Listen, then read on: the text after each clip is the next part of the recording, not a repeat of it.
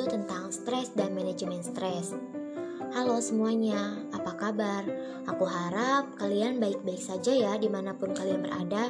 Ingat, tetap berhati-hati walaupun sekarang keadaannya sudah new normal. Jangan lupa untuk selalu mematuhi protokol kesehatan yang telah ditetapkan oleh pemerintah ya teman-teman. Tetap jaga jarak juga ketika sedang beraktivitas di luar rumah. Stres tuh kayaknya udah lekat banget di kepala para mahasiswa-para mahasiswa yang pastinya di situasi pandemi sekarang ini. Apalagi gara-gara adanya pandemi corona ini mengubah cara belajarnya yang awalnya offline menjadi daring atau online.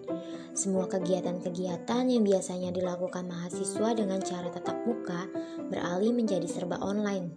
Misalnya presentasi online, belajar online, rapat organisasi online, seminar online, bahkan praktikum saja harus dilakukan dengan online. Gak kebayang dong gimana rasanya praktikum online tuh kayak gimana? Sistem belajar yang tatap muka saja, stres itu sudah menjadi langganan di kalangan para mahasiswa. Terkadang mereka stres itu karena banyaknya tugas-tugas yang menghampiri. Saking banyaknya tugas, mereka sampai bingung mau ngerjain yang mana dulu. Apalagi kalau udah masuk bulan-bulan UTS dan UAS. Hmm, intinya, intinya stres itu udah jadi kayak makanan sehari-hari gitu bagi para mahasiswa. Nah, apa sih yang dimasuk dengan stres? Biasanya orang-orang kalau ditanya kata stres itu pasti jawabannya stres itu adalah tekanan. Ya emang bener sih stres itu adalah tekanan, tapi kebanyakan orang yang melihat orang stres itu pasti ada kata-kata yang keluar dari mulut mereka seperti ih apaan sih? Kamu baru gitu aja udah stres. Saya aja yang pernah kayak gitu biasa aja tuh. Eh lebay banget sih. Ya tinggal kerjain ngapain juga dibikin stres? Kalian pernah gak sih dijudge kalian kayak gitu hmm pasti di antara kalian yang mendengarkan podcast saya ini kalian pernah merasakan atau pernah mendengarkan hal seperti itu Nah, biasanya orang-orang itu mempunyai persepsi bahwa stres itu harus dihindari karena stres itu pasti buruk. Tetapi sebenarnya stres itu mempunyai arti yaitu apalagi di ilmu psikologi sendiri. Stres itu adalah persepsi dan respon terhadap tekanan yang terjadi dari diri kita. Stres juga merupakan suatu respon adaptif individu terhadap situasi yang diterima seseorang sebagai suatu tantangan atau ancaman keberadaannya. Nah, secara umum juga Orang yang mengalami stres itu akan merasakan perasaan khawatir, tekanan, letih, ketakutan, depresi, cemas, dan marah Terdapat tiga aspek gangguan seseorang yang mengalami stres, yaitu yang pertama adalah gangguan dari aspek fisik, yang kedua aspek kognitif, dan yang ketiga aspek emosi. Nah, mas maksud dari aspek fisik adalah gejala fisik yang berupa denyut jantung yang tinggi, tangan berkeringat, sakit kepala, sesak napas, sakit punggung atau pundak, gangguan tidur, dan perubahan berat badan yang drastis. Sedangkan maksud dari aspek kognitif yaitu berupa lupa akan sesuatu, sulit berkonsentrasi, cemas mengenai sesuatu hal, sulit untuk memproses informasi dan mengemukakan pernyataan-pernyataan yang negatif terhadap diri sendiri. Sedangkan aspek dari emosi yang berupa seseorang itu mudah marah, cemas, cepat panik, ketakutan, sering menangis, dan mengalami peningkatan konflik interpersonal. Nah, Hal-hal yang bisa menimbulkan stres itu disebut juga dengan stresor.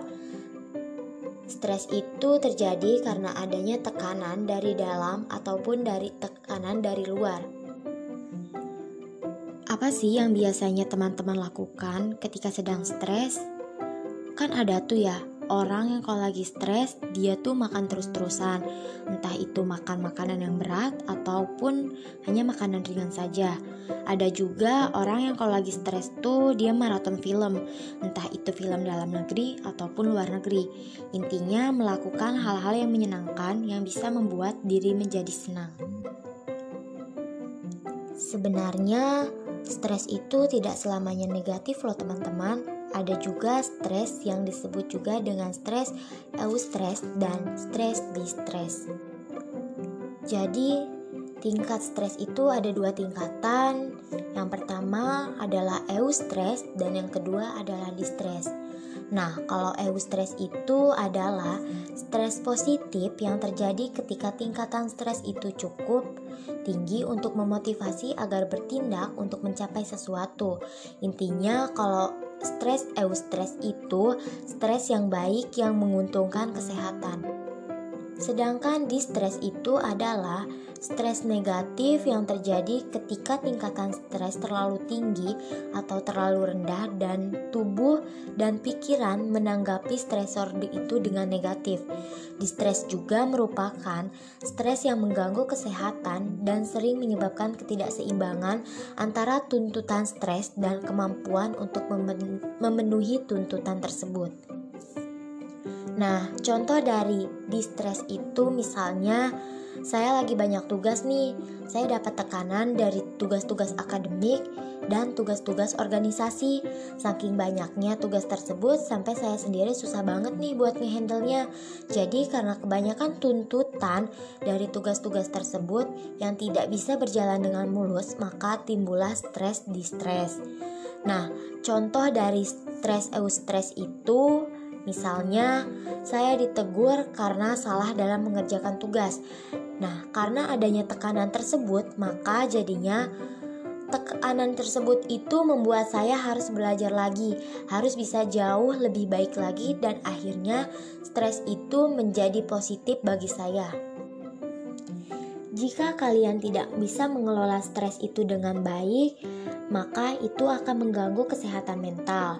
Nah, sebisa mungkin kalau kalian butuh uh, kayak kayak curhat kayak gitu, ya kalian harus curhat ke orang-orang terdekat kalian.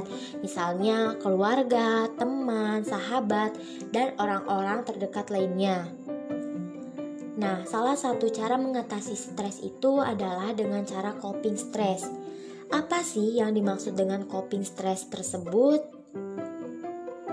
Coping stres adalah suatu bentuk upaya yang dilakukan individu untuk mengatasi dan meminimalisasikan situasi yang penuh akan tekanan atau stres. Nah, cara seseorang untuk coping stres itu berbeda-beda. Contohnya, ada orang yang coping stres itu misalnya pergi berbelanja, makan terus-terusan, pergi bermain dengan teman-teman, maraton film, kayak nyanyi-nyanyi sendiri, atau dengan cara yang lain gitu loh yang bisa membuat dirinya itu bahagia gitu.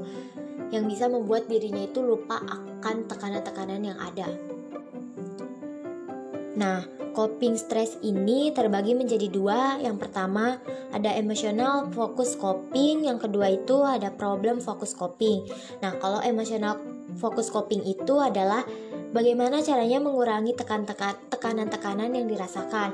Contohnya itu kayak tadi pergi berbelanja, makan terus-terusan, pergi bermain dengan teman-teman, maraton film, atau hal-hal yang bisa hal-hal yang bisa membuat diri kita senang dan bisa melupakan akan tekanan-tekanan tersebut. Nah, kalau misalkan problem fokus fokus coping itu adalah orang yang memilih coping tersetres ini yaitu orang-orang yang memilih menyelesaikan tugas-tugasnya terlebih dahulu. Nah, untuk menyelesaikan hal-hal yang membuat dia tertekan, nah baru dari situ mereka menyelesaikan stresnya. Jadi, orang yang menggunakan problem fokus coping itu mereka tuh menyelesaikan tugas-tugasnya dulu baru mereka menyelesaikan stresnya tersebut. Jadi intinya setiap orang itu mempunyai coping stres atau cara mengatasi tekanan tersebut dengan cara yang berbeda-beda tergantung individunya masing-masing. Nah kesimpulannya stres itu nggak selamanya negatif ya teman-teman. Jadi stres juga ada yang bisa mendorong kalian untuk termotivasi untuk lebih maju lagi. Nah, kenali diri kalian sendiri dan di situ kalian akan menemukan coping stress yang terbaik. Cukup sekian dari saya, kurang dan lebihnya mohon maaf. Wabillahi taufiq walhidayah. Wassalamualaikum warahmatullahi wabarakatuh.